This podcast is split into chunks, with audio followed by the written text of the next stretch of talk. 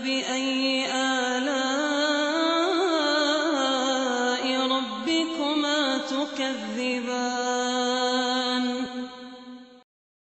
Kemudian pembahasan berikutnya tentang tidak disyaratkannya berpuasa dalam i'tikaf. Kata beliau wa yasihhu bila saumin. Dan syah i'tikaf itu tanpa puasa. Iya.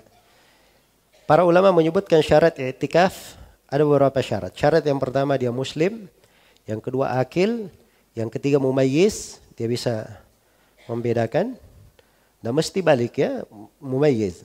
Kemudian yang keempat ada niat, niat i'tikaf. Dan yang kelima dia bersih dari hadas. Ya bersih dari hadas, tidak ada haid, tidak ada nifas dan tidak junub. Nah, Ini lima ketentuan di dalam i'tikaf.